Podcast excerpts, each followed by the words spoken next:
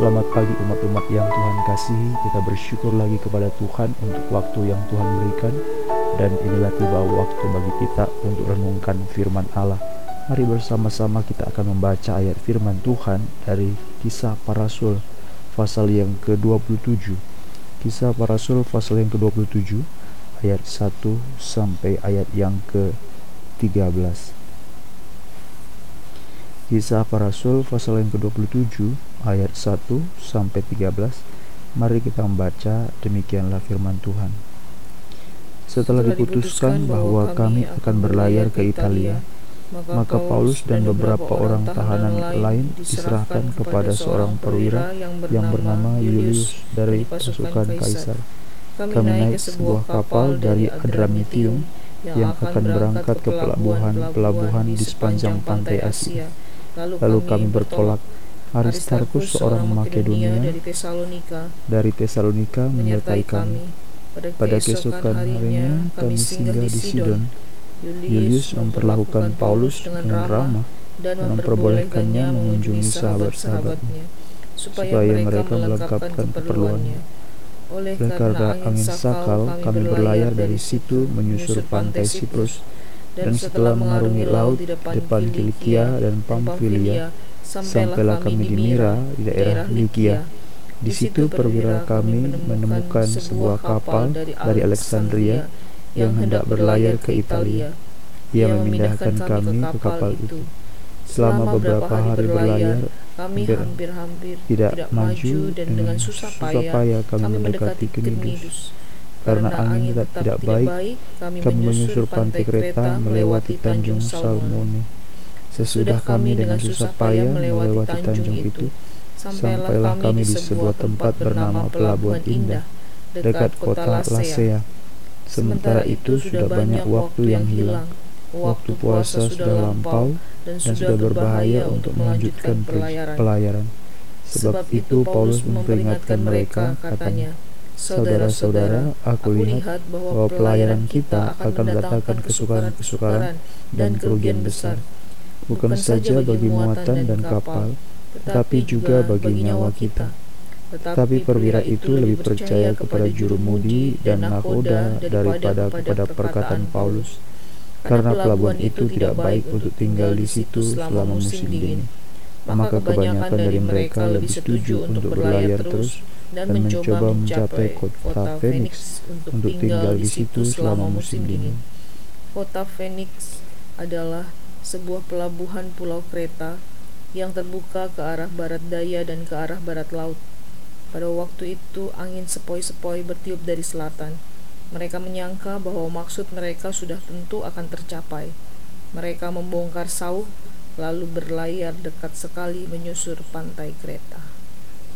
Umat-umat yang dikasih Tuhan, pada waktu kita membaca bagian ini, maka kita sekarang berada pada suatu episode atau suatu bagian perjalanan Paulus menuju ke Roma. Tidak lama sesudah keadaan pembicaraan dengan Agripa, maka Paulus dikirim ke Roma. Nah, saudara-saudara yang dikasih Tuhan mungkin mengingatkan lagi untuk apa dia pergi ke Roma karena dia sudah mengambil keputusan untuk naik banding kepada kaisar. Dan istilah naik banding kepada kaisar memang adalah suatu istilah pengadilan dan itu memungkinkan sekali saudara-saudara karena yang pertama dia adalah seorang warga negara Roma. Jadi dia berhak untuk diperlakukan dan dia berhak untuk mendapatkan sesuatu keadilan. Ya tentu saja sebagai warga negara Roma karena pada waktu itu kekaisaran yang sedang memerintah adalah kekaisaran Roma tentu memang mereka adalah warga negara yang terpilih berbeda dengan warga negara lain. Dan seperti kita baca misalnya dalam kisah Rasul pasal yang ke-23 di situ dituliskan kisah tentang seorang yang bernama Claudius Lysias. Dia adalah seorang perwira dari tentara Roma orang Yahudi bukan orang orang Yunani maksud saya, tetapi dia mendapatkan kewarganegaraan karena dia membeli.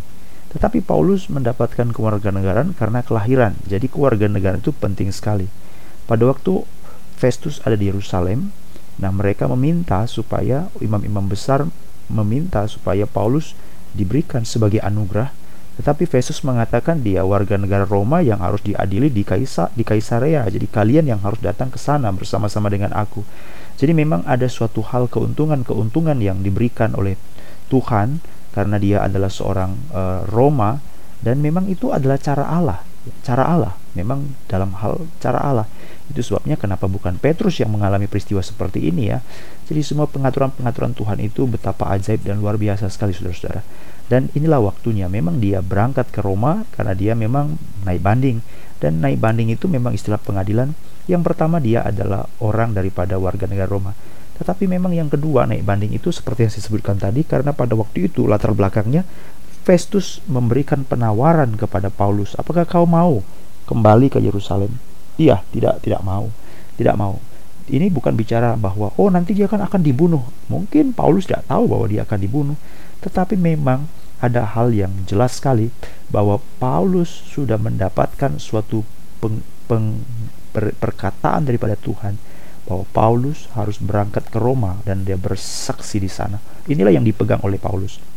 Jadi kita bisa tahu bahwa seluruh hidup dan pelayanan Paulus ini perjalanan-perjalanan, bagian demi bagian, episode demi episode yang dialami, dia sungguh-sungguh memiliki penyerahan yang total pimpinan Allah sungguh-sungguh nyata dalam hidupnya. Bisa saudara ingat lagi perjalanan demi perjalanan yang sudah kita bicarakan dan renungkan beberapa hari terakhir saudara-saudara.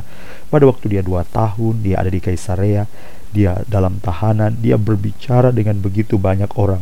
Secara khusus, dalam pengadilan, dia berbicara kepada para pejabat-pejabat Roma, para petinggi-petinggi, para wali negeri, dan ini adalah suatu cara yang dipakai oleh Allah untuk membawa dia ke Roma itu ada kesempatan-kesempatan untuk dia memberitakan firman Tuhan. Jadi seluruh hidupnya itu sungguh-sungguh diatur, seluruh hidupnya sungguh-sungguh dia persembahkan kepada Tuhan. Dan pada bagian yang kita ingat bahwa Tuhan berkata, sama seperti engkau dengan berani bersaksi tentang aku di Yerusalem, maka engkau juga berani akan bersaksi tentang aku di Roma. Nah, ini adalah suatu bagian yang kita harus ingat senantiasa, di mana perjalanan Paulus sungguh-sungguh betul-betul menjadi bagian yang mau dipakai oleh Tuhan, yang mau menyerahkan diri, yang mau dipimpin oleh Tuhan. Sehingga pada waktu naik bandingnya ini bukan suatu hanya gara-gara dia warga negara Roma lalu dia merasa memiliki satu hak untuk menaik banding, bukan. Tapi dia betul-betul tahu dengan segala yang diberikan kepercayaan kepada Tuhan oleh dia dan diberikan suatu hak sebagai warga negara kepada dia, dia pergunakan untuk jalankan kehendak Allah. Indah sekali saudara-saudara. Jadi ini bukan karena dia emosi sesaat, bukan karena dia ingin diakui atau dia ingin memiliki sesuatu kemampuan-kemampuan, tidak, tetapi dia memang mengerjakannya karena Tuhanlah yang sudah berikan kepada dia pengertian bahwa dia harus pergi ke Roma. Dan inilah ceritanya, saudara-saudara. Dia berangkat ke Roma dan memang itu adalah suatu hal yang sangat indah sekali. Betapa ajaib sekali cara kerja dan pekerjaan-pekerjaan Allah. Jadi Alkitab mengatakan dalam 2 Timotius pasal 2 ayat yang ke-21. 2 Timotius 2:21, jika seorang menyucikan dirinya dari hal-hal yang jahat, ia akan menjadi perabot rumah untuk maksud yang mulia. Ia dikuduskan, dipandang layak untuk dipakai tuannya dan disediakan untuk setiap pekerjaan yang mulia. Ia dikuduskan dan dipandang layak untuk dipakai tuannya, disediakan untuk pekerjaan yang mulia kita melihat bagaimana seluruh rangkaian hidup Paulus, termasuk kemampuan hak warga negara yang dia miliki, semuanya dipakai oleh Tuhan. Untuk apa? Untuk melayani Allah. Untuk apa? Untuk bisa sampai bersaksi di mana-mana tempat dia memberikan semuanya hidupnya. Jadi saudara marilah kita belajar daripada firman Tuhan ini. Kita renungkan firman Tuhan ini. Kita jadikan firman Tuhan ini sebagai tuntunan kita. Mari serahkan hidup. Pimpinan Tuhan tidak pernah salah. Dalam segala sesuatu Tuhan bisa pakai. Kelemahan kita Tuhan bisa pakai. Keunggulan kita Tuhan bisa pakai. Talenta kita Tuhan bisa pakai. Tetapi kuncinya pertama-tama adalah menyucikan diri.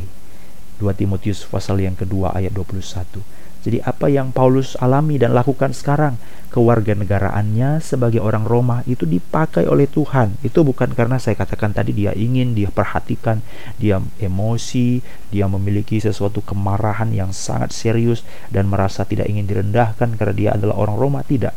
Tetapi dia tahu dari awal bahwa Tuhan meminta dia, Tuhan mengatakan kepada dia, kamu bersaksi sampai ke Roma. Jadi dia tahu bahwa dia tidak kembali lagi ke Yerusalem, dia pergunakan hak itu untuk naik banding kepada kaisar. Jadi kunci pertama pada waktu Paulus dia boleh dipakai, dipandang layak, dipakai Tuhan, disediakan untuk setiap pekerjaan yang mulia. Kunci yang pertama adalah menyucikan diri, menyucikan diri. Dan Alkitab mengatakan, maka dia akan dikuduskan. Jadi marilah kita menjadi orang yang bersedia untuk dipakai Allah. Amin. Oh amin, aku senang nih. Dipakai Tuhannya sih senang. Tapi giliran menyucikan dirinya, kita tidak bersedia, kita tidak rela. Jadi Paulus memiliki suatu cara-cara Allah yang indah sekali, saudara-saudara. Jadi ini adalah rangkaian perjalanan bagaimana Paulus dikirim dengan kapal ke Italia, ke Roma, sebuah perjalanan yang panjang.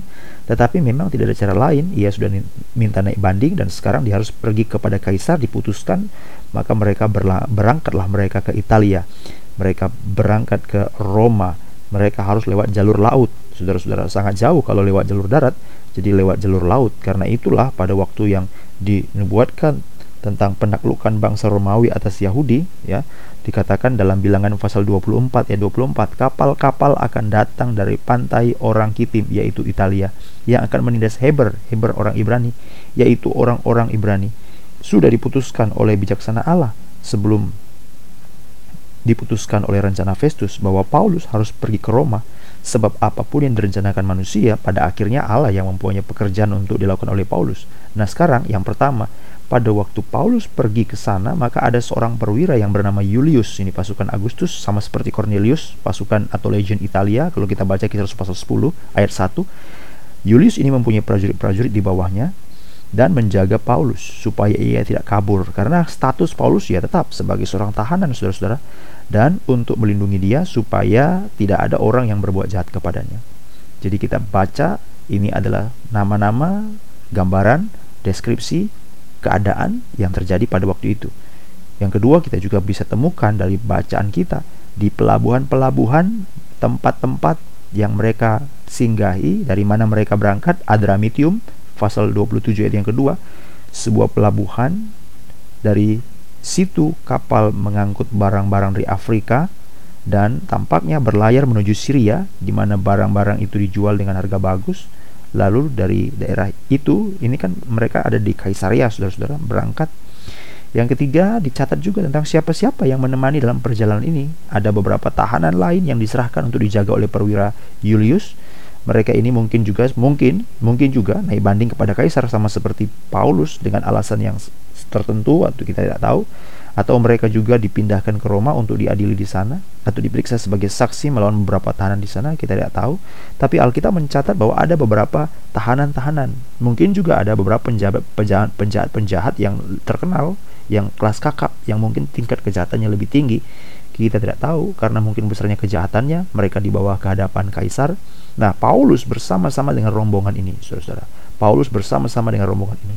Dan ini merupakan suatu hal yang kalau kita ingat kita renungkan lagi, maka kita lihat sama seperti Kristus ditempatkan bersama dengan para pencuri yang disalibkan bersama dengan dia, para penjahat yang disalibkan dengan dia. Demikianlah Paulus juga berbagi nasib, berbagi perjalanan dengan orang-orang seperti ini.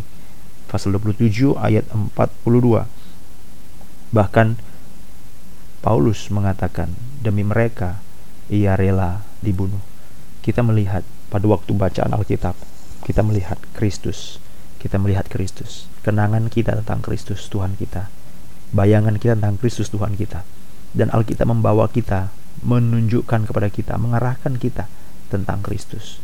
Jadi kita melihat bahwa tidak ada satu bagian pun dari perjalanan-perjalanan yang dilakukan oleh Paulus kalau bukan karena pekerjaan Allah, kalau bukan karena pimpinan Allah, dan bagian yang Alkitab sedang bicarakan, kita sungguh dapat melihat Kristus. Kita berbahagia saudara-saudara.